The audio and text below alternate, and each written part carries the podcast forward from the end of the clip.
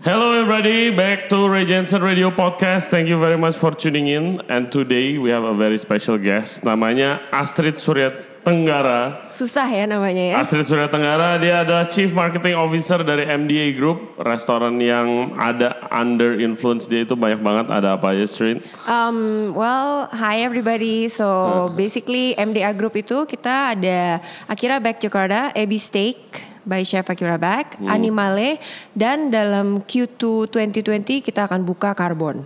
Oke. Dan eh, lu baru buka juga restoran yang eh, Animale, Animale. ya. Congratulations. Thank you. Nanti kita akan ngomongin itu restoran konsepnya seperti apa. Gue lihat makanannya sih keren-keren. Banyak temen gue yang udah makan juga. Eh, tapi sebelumnya seperti biasa kita akan ngomongin ngomongin background dulu. Oke. Itu how do you start this? We met waktu eh, karena your kid Revo Right, kan. yes. Pasti kalian tahu semuanya Chef Revo.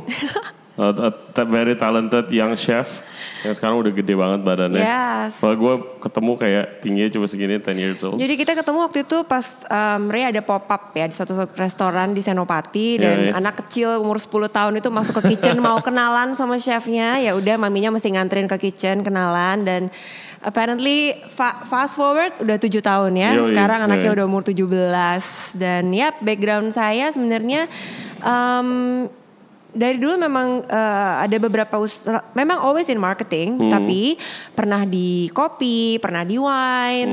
Nah kemudian eh, suatu hari em, Revo itu pernah ikut kompetisi Junior Master Chef dan akhirnya dia juga sempat beberapa kali diundang ke let's say one of the establishment in Singapore salah satunya MBS ada acara Epicurean Market dan dia ketemu dengan berbagai chef yang ternama yang akhirnya memperkenalkan saya ke some of the owners in uh, the restaurants in Indonesia. Oke, gimana caranya pertama Revo bisa ikut Master Chef? Revo itu emang suka makan, Heeh. terus akunya nggak suka He's masak. clearly passionate, He ya. is. He is. He's been cooking since he was eight. Dari umur 8 udah suka masak. Heeh. Uh, funny story is like karena saya nggak suka masak, saya nggak punya oven di rumah. Heeh. And we live in an apartment. One day I come home from work. Hmm. Yang menarik, tiba-tiba ada apple turnover di rumah. Saya tanya nih masak. Apple turnovers. Exactly. And I'm like, ini masak sama siapa? Dari mana? Oh, pinjem oven tante tetangga. And I'm like, okay, this is serious. Ya udah. So I think. Iya, this tapi it's funny enough kayak through your your your son, makanya lu jadi kayak embark on this Yes. wonderful career. Jadi gitu kalau kan. bisa dibilang my son got me my job. Iya. So it's like it's like we are in the same industry. Hmm. Enaknya kita bisa bisa nyambung banget karena kita berdua ada di industri yang sama. Dia di belakang di kitchen, aku di front. Yes, and So, that's and yeah. that's uh, one important part apalagi sekarang restoran kan. Yes. So what does uh, chief marketing officer So basically, ya? um, I'm doing, I'm actually currently uh, ada dua posisi dari dua big groups kan. Ada Hmm. MDA Group, ada Intercontinental Culinary. So I handle eight brands. Eight brands. Eight brands, yes. Wow. So um, basically kalau mau dibilang uh, job description seorang CMO itu kan di mana-mana pasti bikin strategi, bikin target, bikin marketing plan and Hmm. Yeah. everything. Itu semua standar. Tapi yang paling penting uh, sebenarnya dari uh, my position itu adalah menyamakan visi antara shareholder Iya. dan juga operator dan juga production dan floor. Iya, dan itu sometimes tough yang It's very hard. Ya very ket- ya nggak ketemu ya kadang kalau chef kayak owner mau ini, owner Yeah, mau itu exactly, ya kan ya. Ya, exactly. and finding that balance ya susah sih. Itu sangat sulit karena sometimes a shareholder have a vision, tapi kitchen juga kemampuannya seperti apa Yeah. dan bagaimana saya bisa memastikan apa yang diinginkan oleh shareholder bisa diproduk bisa masuk ke dalam production, tapi sorry dan juga dari shareholder ke production, dari production ke communication sampai iya, tough gimana job. floor bisa cerita ke orang dan bisa menjelaskan oh nih tamu datang ke sini ekspektasinya apa makannya apa dan seterusnya That- so basically um, that's my job Oke, terus kayak you do a lot of PRing juga kan for the Yes, restaurant kan. for sure. Dan menurut gua itu like one sekarang apalagi zaman sosial sosial media sekarang itu kayak like one of the most apa ya important part lah of, of Iya. restaurant marketing yes sekarang Hmm. ya itu kan. How do you do that?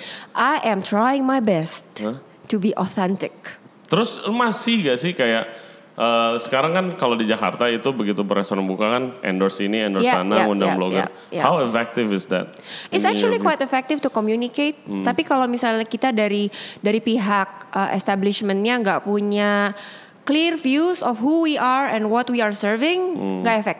Iya, tapi kayak the trick is kayak lu nggak bisa ngundang blogger-blogger aja gitu kan, lu harus pilih Enggak. juga. No, I don't Gitu. only. I mean, have to um, choose I kan, have to ya. choose, Hmm. yes, and it's one of the apa itu hanya sebagian kecil dari yang uh, kalau buat kami Hmm. untuk kami undang.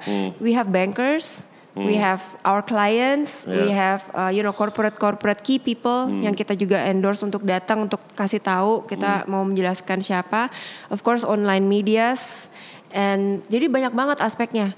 And micro influencer, even nano influencers Yeah. that will always bring in the cash. Oke, what's what's my macro influence? Eh micro influencer. Ya pokoknya intinya it's not about the followers, it's about what can they generate. Eh, So it's not about oh nih gila followernya banyak banget ya, tapi Yeah. actually belum tentu yang followernya banyak itu bisa bawa return on investment. yes. So ya it's- emang betul. It's so true. And um, for me it's like kan udah di bisnis ini berarti udah tujuh tahun. Hmm. So in the seven years, most important is building relationship. Iya. And and and and that's the key point Hmm. of uh, PRing and Iya, dan kayak what's the toughest job kalau misalnya lu udah ini dari all that part yang paling susah apa? Kalau misalnya sebagai chef pasti paling susah satu deh ketemu tamu, eh dengerin komplainan tamu deh atau komplainan owner gitu kan.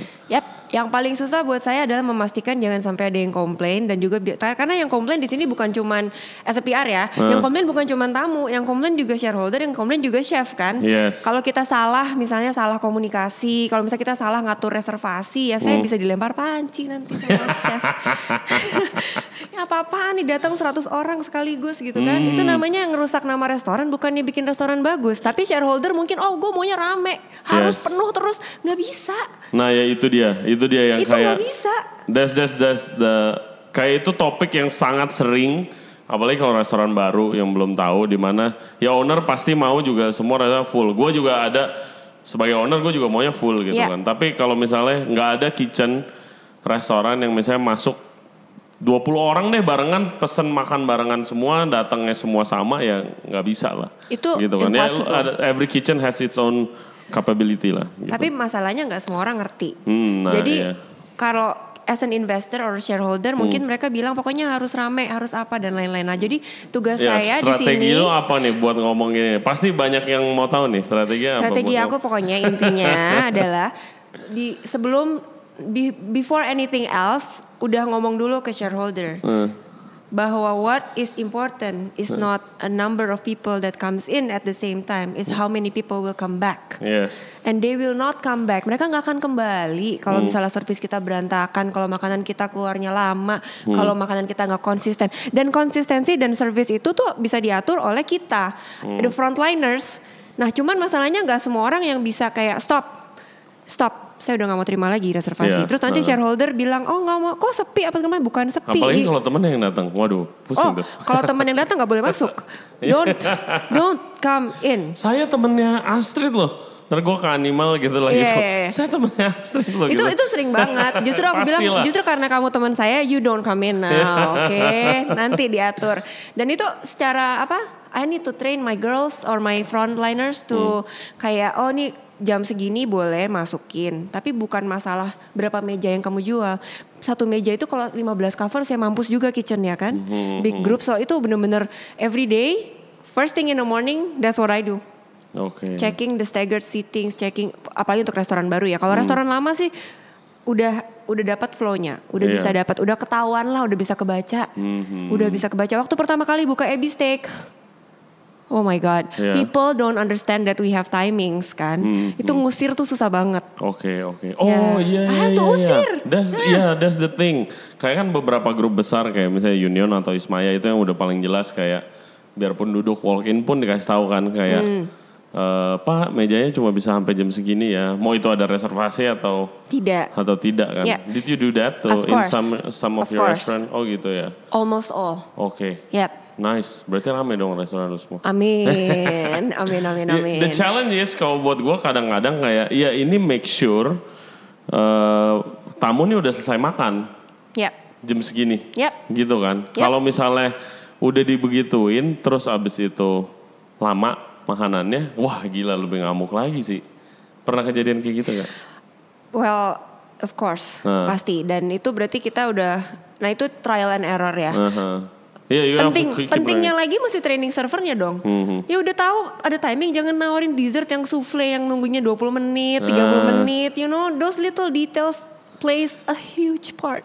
Oke, oke, Kalau oke. nggak ntar dapat komplainan. Hmm, Ya, jadi kalau misalnya dibilang aduh gaya banget title-nya CMO, well actually um, Iya, iya, iya. itu it's it's it's not about the title, it's about how to make everybody can work together in a harmonious dan, dan way. kayak I mean I don't think kayak 15 20 years ago yang kayak restoran restoran group udah kepikiran ada CMO gitu kan. Ya, Dan kayak sekarang ini kayak ada new role yang kayak ya five years ago aja kayak influencer nggak mungkin di, diundang restoran baru bukan influencer yang dicari gitu Iya. kan yang dicari kayak media yang kayak majalah ya Iya. kan kalau dulu kan kalau sekarang Iya. kan nomor satu influencer Ya, nah terus ada strategi lain apa aja untuk marketing? yes Well, um, CRM is very important for me.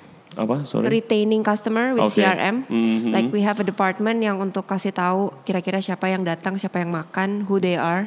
Oh, so gitu. dari pihak Wow. front office they will tell me, oke hari ini jam segini siapa yang datang, duduknya di mana, Hmm. right? Dari sisi saya, dari sisi my department, Hmm. siapa yang datang, who they are, oke how many followers if they have, wow and even even, regular guest even regular guest. Aku punya tim kepo, oke wow wow wow wow dan itu nama nama departemennya apa? CRM, CRM and then it stands for customer retention atau retention ya- man. Eh pokoknya ya. basically it's more like customer relationship management. Okay. So it's basically we call we might call my team customer relationship um, Dan dia- supervisor and customer relationship. You know. dan mereka yang everything. kayak tanggung jawab untuk kayak eh, chat, Their KPI, chat their future K- kayak yeah. misalnya di WhatsApp buat kalau ada promotion ini gitu segala macam. Um, itu sih GRO ya tetap Uh-huh. guest relation tetap. Kalau my my marketing department ini is literally um, researching who are coming to our restaurant, how many times they've been here, and who they are. Oke. And without linking to the what they buy, you know what I mean? Uh-huh, Like iya, cuman iya. pengen tahu aja gitu kayak, Hmm. oke contoh paling simpel deh misalnya um, this big shot, let's say menteri Hmm. mau makan, Yes. Uh, kita nggak ada yang tahu, kitchen nggak ada yang tahu, Hmm. ya kan? Kan Iya. orang-orang misalnya cuma booking biasa doang dari ajudannya mereka cuma catat doang kan. Iya, iya. Terus oke, terus tiba-tiba GRO-nya bakal bilang sorry ya waktunya cuma sampai dua jam. Hmm. Hmm, hmm, hmm, hmm. nggak Iya. juga bisa gitu kan. uh-uh, Jadi uh. that's why the department is um, semua pihak, Iya. semua pihak dari manajemen, maksudnya dari floor, servers, managers, assistant managers, and especially kitchen Uh. harus tahu siapa yang datang. Iya, iya dong, iya dong. They need to know who's coming. I mean kalau lagi briefing kan memang suka dikasih tau nih ada siapa, ada siapa, ada siapa. Cuman this way ada datanya gitu kayak jadi udah Iya. ketahuan. Oke, gua gua ngerti sekarang what you Gue cuma gue nggak gua kira di Indonesia nggak ada yang begitu sih. Oh gitu? Iya, menurut- Oh, I have to. nggak ada yang kayak no, every customer tapi waktu gua yeah. kerja ada poinnya kayak ada restoran kayak setiap hari meeting kayak setiap nama customer itu di dikasih tahu siapa gitu Yeah, dikasih tahu ini siapa biarpun dia regular customer ya kayak iya ini gue lihat dia lagi travel Instagramnya kayak gini Yeah. gini gini gitu Yeah, wow wow we do wow. that and um, jadi I'm kayak buat dinner Yeah, yeah. 3 p.m. Huh, they will fire out the data to us. oke So I just check and then I will see ada yang kenal nggak ya gitu kan. Uh. Wah, yang ini um, coba yang serving harus siapa Nah, gitu. iya iya itunya karena ya. Hmm. karena dia very particular about his wine misalnya. Kalau yang serving nggak ngerti atau nggak pinter-pinter banget Hmm. atau buka wine-nya lama, waduh. Iya iya iya iya. Uh, iya, iya. jadi and, and, and, eh, and the kayak most important thing ya kayak ya datanya itu sih. Exactly. Gitu Nah, kan ya. masalahnya orang-orang di F&B ini kita data tuh banyak. Hmm. everybody has data kok. Cuman nggak ada yang crunch the data. Iya nggak ada yang kayak take action gitu exactly. lah. ya. Mau diapain nih data nih? Nah, so that's what I'm doing actually Oke. with my Wow, department. Wow, wow, wow, wow, wow. Dan ya, juga kan kalau reservation system ketahuan ya udah berapa kali datang ya. Iya. Kalau udah sering datang ya nggak usah juga lama-lama dijelasin tentang restorannya kan kadang-kadang udah, udah tahu kali ya. You don't know who I am gitu kan. Udah iya. 10 kali ke restoran ini harus jelasin dulu konsep restorannya diulang-ulang kan enggak. But if they are first timer kita tandain kan ini orang baru pertama kali datang banget nih. Atau dia traveling outside Oke. or something so we can actually make an effort more. Oke, iya tapi iya that's so that's so important dan I, I will try to do that in Please. my restaurant sih. Iya iya iya iya. Tapi kan ya harus ada uh, and it's not as simple kayak yang lo ngomongin juga ya, Ya, kan ini guys. udah Jadi kayak ini rumit rumit dipikirin, banget gitu kan terus kayak cari departemen, cari orang yang tepat yang mau, Yoi, yang yoi. mikirin Hmm, gitu hmm, kan. hmm, hmm. Ya, Oke. things like that. So Oke. that's my job every day, and it's fun. It doesn't feel like working. Lo udah pernah ketemu Akira Beck sering dong? Sering, Dia sering, sering. datang ke sini ya? Eh, setahun sekali, at least pernah setahun dua kali. Ya. How many restaurants does he have? Ini kan Akira all Beck over the itu world, kayak all big over the star world. Um, Japanese he's chef. a, no, he's actually a Korean oh American. Korean. Oh sorry. Korean sorry, chef. American, but uh, his name is Akira karena itu Oke. nickname-nya dia waktu dia jadi atlet snowboarding atlet dulu. Oke. Nah, Uh. kemudian kalau now all over the world, I think about 22 outlets already. Yep. And uh, one. Specialized on Japanese Wagyu beef kan? No, No? only for AB Steak is American Steakhouse with Korean flair. Oke. The first one is in Indonesia. Oh yes, gitu. jadi itu konsep pertama untuk AB Steak itu yang Hmm. pertama di Indonesia. Kita buka di um, MD Place. Kemudian um, the next one is opening soon in LA. Hmm. For the steakhouse, but actually Chef Akira's specialty is uh, progressive Japanese cuisine. So it's like a fusion, modern, you know, like Hmm. Okay. our famous tuna pizza, our famous, you know, Hmm. AB tacos and all that. Oke. Hmm. Dan itu gimana? uh, is it a challenge waktu konsep seperti itu masuk ke Indo pertama? Yes, it's a it's a challenge because our tuna pizza people say it's not a pizza, you Yeah. know, like, but it's a fusion. So, Yeah. but the thing is, um, kalau misalnya kita udah people like it, people ex- apa namanya menghargai, oh ini enak ternyata gitu ya. Mm-hmm. Uh, I think one of the success for our restaurant is ada benang merah antara nama nama restoran dan satu dish yang ada di restoran itu. Oke. Jadi if people think Akira Back, they think tuna pizza. Hmm. You know, Iya, if, iya, if they think sekarang. AB steak, they think dry aged steak. We did it the first time in Jakarta kan. Iya. We age our own steak. Kita punya dry ager sampai banyak banget. Yes. And then um, kita punya jenis daging tuh dari yang wet sampai dry dari 21 hari sampai 200 hari. So and then we we keep innovating with sake, with whiskey, with um, camembert cheese. We age it and all that. Crazy, Yeah, crazy, yeah. crazy. Iya must be good sih. Terus, oke, dry age Jakarta gimana dry Oh, age? waktu awal seru banget. And, uh, This is so funny. Like waktu we just open, we're udah tiga tahun nih. April ini kita udah tiga tahun. Cuma waktu awal ngejelasin ke orang dry age itu susah sekali. Yes, we we susah. need to educate. Kita sampai kerjasama dengan media. Kita bikin kelas. Kita bikin meet master class. Because they don't understand itu kan kalau dry aging kan ada moldnya kan. Walaupun nanti akhirnya kan kita akan buang moldnya. But people Yes. would, oh my god, Huh. kok dia jualan daging ada moldnya iya, berjamur ha. gitu. Iya. Um, Tahu makan ham nggak? Iya, jamuran juga tuh luar. Nah, Atau keju. another thing is funny kita buka waktu itu. This is just a funny story ya. Yes, yes. Kita baru buka, Hmm. baru buka, terus ada orang yang buka menunya. Terus kita- aku dibilangin gini, kamu bohong ya, bohong gimana ya bu? Masa kamu kan baru buka satu minggu kok daging kamu udah agingnya 30, 30 hari atau 45 hari. Hmm. Terus aku bilang ya susah juga ya namanya kita ke customer, we cannot make them feel not Iya. smart. uh, so we just yes. say, oh iya bu, enggak itu kulkasnya udah datang dari sebelum kita buka kok, udah kita Ah. aging. Cuma susah ngejelasinnya bahwa susah what is lah, that? susah, susah, Yeah, so but yeah, it's okay, it's fun now. Iya, People now already understand. Gua waktu itu kan gue mau buka eh, Sofia waktu itu kan Iya. research terus kayak gue waktu itu belum ada tuh akhirnya Belum, belum, belum. Belum ada dan belum kayak buka. gue sama partner gue yang kayak kita development timnya kayak yuk kita coba yuk konsep dry age masuk ke di Jakarta nih kan waktu itu di US di mana-mana Iya. Europe udah ada kan dan kayak ada awesome kulkasnya gitu yeah, kan yeah, dry ager. dry ager kayak udah beli satu udah Mahal beli ya? satu dan mahal banget Mahal. harganya guys terus kayak abis itu kita dry age terus kita cobain bos kayak ah nggak suka Gue lebih suka yang biasa aja wagyu yang empuk. Udah jual itu aja ya. Ah, ya dia. That- that's the hard. That's the hard. That's the hard. Makanya di AB Steak kita ada premium wet age juga. Jadi kayak for Indonesian who likes Japanese beef, who assume Japanese uh, beef yang melt in your mouth is the best, we have that selection. But for all those Western American who likes their meat with character and with a bite, you know, they will go for the Hmm. Which dry one do you age. prefer? I pre- I like dry age. It has Yeah. more character. Iya, gua Because kalau makan I don't wagyu like meat, meat yang melt in your itu mouth. itu Gua- makan tiga tiga piece sudah enak ya kan I mean Yeah. like it's my preference. Tapi kalau misalnya you eat too fatty you can't eat that much. Oke. ya Tapi kayak do people actually kayak oke ya udah sekarang gue mau nyarinya lebih ke dry age juga Yes. gitu ke sini. very much so our waiting list masih satu bulan Oke. now terus karena Satu bulan? satu bulan kalau weekend bisa ti- dua bulan jadi my phone I call my phone hotline bling like every weekend everybody calls me like okay I'm sorry I don't have table Ya tapi it, it it's kayak ya it's kayak approval of your hard work juga lah selling it. Well, and uh, the thing is in AB Steak kan kita bisa sharing.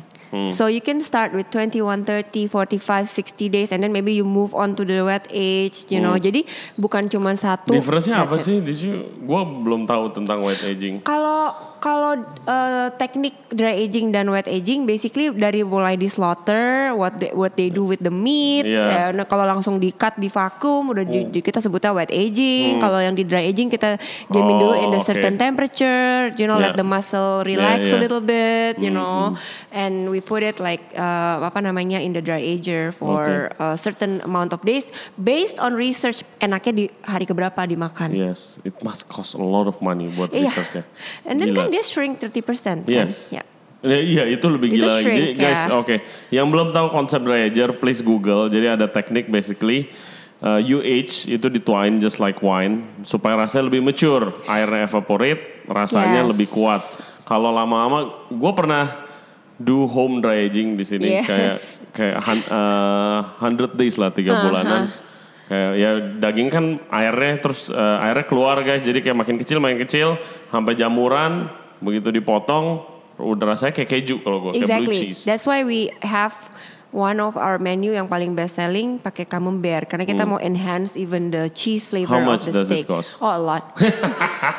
That's quite a lot. But people are waiting in line for it. Yeah. Ya udah lah ya. And it must be limited juga kan? It is limited, Okay, correct. yeah, yeah, pasti. so um, but now moving on from dry aging meat, we are now in animale. Yeah, we are dry aging. it. We are dry aging fish. Oh, oh really? Yes, Nice, nice, nice. because kalau misalnya ikannya itu kita age like 7 to 10 days, the Uh. moisture will evaporate, Yeah. The muscle and then jadi meatnya tuh lebih firm and then a little bit more fatty, Hmm. lebih enak buat dibikin krudo. Krudo, oke. Makan orang Indonesia Hmm. Makan krudo. ternyata. Kan dia Oke. ya udah proven kan di Akira Bake kita banyak krudo. Oh, nice, nice, nice. Oke, animalnya konsepnya apa nih? Hmm. So animale is actually a progressive Mediterranean. Hmm. Nah, sebenarnya kalau misalnya dibilang uh, genre-nya tuh kalau di Amerika it's a new American cuisine yang maksudnya ya there is no genre for it. It's like Hmm. Yeah, everything, everything just put it there. semua, Yes. from all over the world, From all just- over the yeah. world uh, di di Amerika di genre ini new American kan. Hmm. Nah, kalau di Indonesia susah saya ngejelasin mengkomunikasikan what is new American. Nanti dikirain makan hotdog sama hamburger cuman Kalau Indo bilangnya fusion. Nah, ya, iya. gitu baru taunya itu. So Hmm. we do it ya udahlah actually kita banyak Mediterranean flavoring jadi kita sebutnya progressive Mediterranean. Oke, signature dish. Signature dishnya actually um, so the funny part about it is fun. Hmm. We make it really fun. So the name of the it's animals right? Yeah. Animals the logo juga nanti kalau misalnya ada yang mau lihat ada kaki ayam, kaki bebek, kaki babi, kaki sapi sama kaki kodok. itu dibikin kayak ikan terbang. Yeah, yeah, I seen, Ya. I seen it. So, Really awesome. Even so we have spare parts. Nama menunya spare parts. Itu frog leg, eh sorry, pig ears. Hmm. Kita jual pig ears. I love pig ears. Ya kan? Uh. Terus abis itu um, di share the love, we have a share the love menu yang paling laku tuh paling sampai saat ini adalah our short rib tomahawk, Hmm. inspired by Reuben sandwich. Tapi dibikinnya jadi uh, short rib dimasak dengan paprika, di serve with um, sourdough and then a lot of paprika. Oh, pokoknya enak deh pakai mustard. It's so good. Like Oke. so, but kalau dibilang um, signature-nya adalah we are serving um, a lot of Mediterranean flavors in every dish. Ya Mediterranean musiknya kayak it's not that hard It's buat not, diterima. it's not that ya, hard. Jadi ada, Jakarta tapi ya. juga ada tzatziki, ada harissa, flavoringnya. Oh, yes. harissa. We cooked our tiger prawns with harissa and serve it with cucumber salad with little bit of yogurt. So it's a Grecian flavors as well. So it's part of all the Mediterranean. Oke oke. Nanti gua mau pasti gua cobain. Kalau karbon ini Carbon will open Q2 2020. It's a modern tapas with Latin American flair. So it's a bit fun. We make our own beer oh, I assume kayak grill, you open a grill gitu we have actually we do have like a griller. Oh. Tapi uh, everything is more Latin American approach. Oke. Oh ya ya Latin Latin American barbecue gitu. Yes, tapi modern. Jadi Hmm. nanti nanti wait and see ya. Ini sebagai CMO juga mesti merangkumnya itu supaya orang bisa ngerti. Yes, It's ya dan very itu hard. part ya kan It's kayak very hard. lu kalau eh, lu mau makan tuh kayak eh kita makan di mana langsung harus kayak oke mau makan apa Italian, Yeah. Japanese, yes, Indo gitu-gitu. Yes, Iya, yes. iya, iya. Nah, jadi kalau sekarang orang mau ke animal, animalnya itu karena oh my god, we can eat everything there. Like sampai ke kaki kodok ada, itu frog legs, kuping babi, ada lamb neck, Hmm. Iya. ada but we also have pizza, we also have pastas of course. Okay. Yeah, and everything the name of the pasta is ditch your box pasta.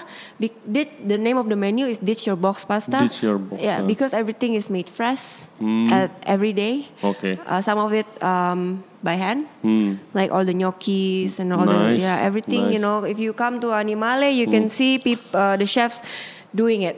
Like they're just you know with kayak papan gilesan itu Oke, bikin oke. pasta. I'll come, I come for sure, I come for sure. Gila. Nice. Yeah, nice. so it's fun.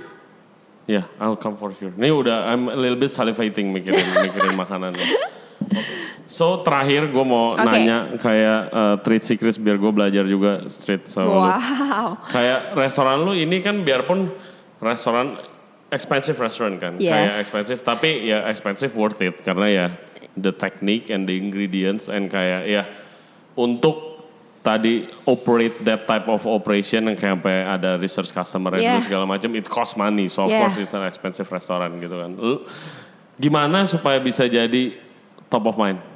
Kayak misalnya kalau orang mau steak udah kayak mikir habis steak. That's the communication part. Kalau like tuna pizza Akira back. dry age ya. dry age ya. AB steak. Uh-huh. And then now we're gonna I'm, I'm masih di building untuk top of mind buat animale untuk progressive Mediterranean-nya if you wanna eat uh, the best pasta or best fresh pasta ya kan Hmm. Yes. Hmm. best fresh pasta you can come to Animale or if you wanna be able to come with different people yang punya uh, karena kita di situ karena kita fresh jadi kita punya easy for people yang punya gluten free egg free dairy free itu kita bikinin semua ada ada notesnya in every Hmm. Okay. menu so it's, it's like Yeah. It's, we're still building towards that. We're only open belum ada satu bulan. Kita buka kemarin satu Januari 2020. So it's like we'll get there. Nanti pelan-pelan to be a top of mind. Ya, how important it is kayak menurut lu? Ya. Lu kan social media savvy. ya.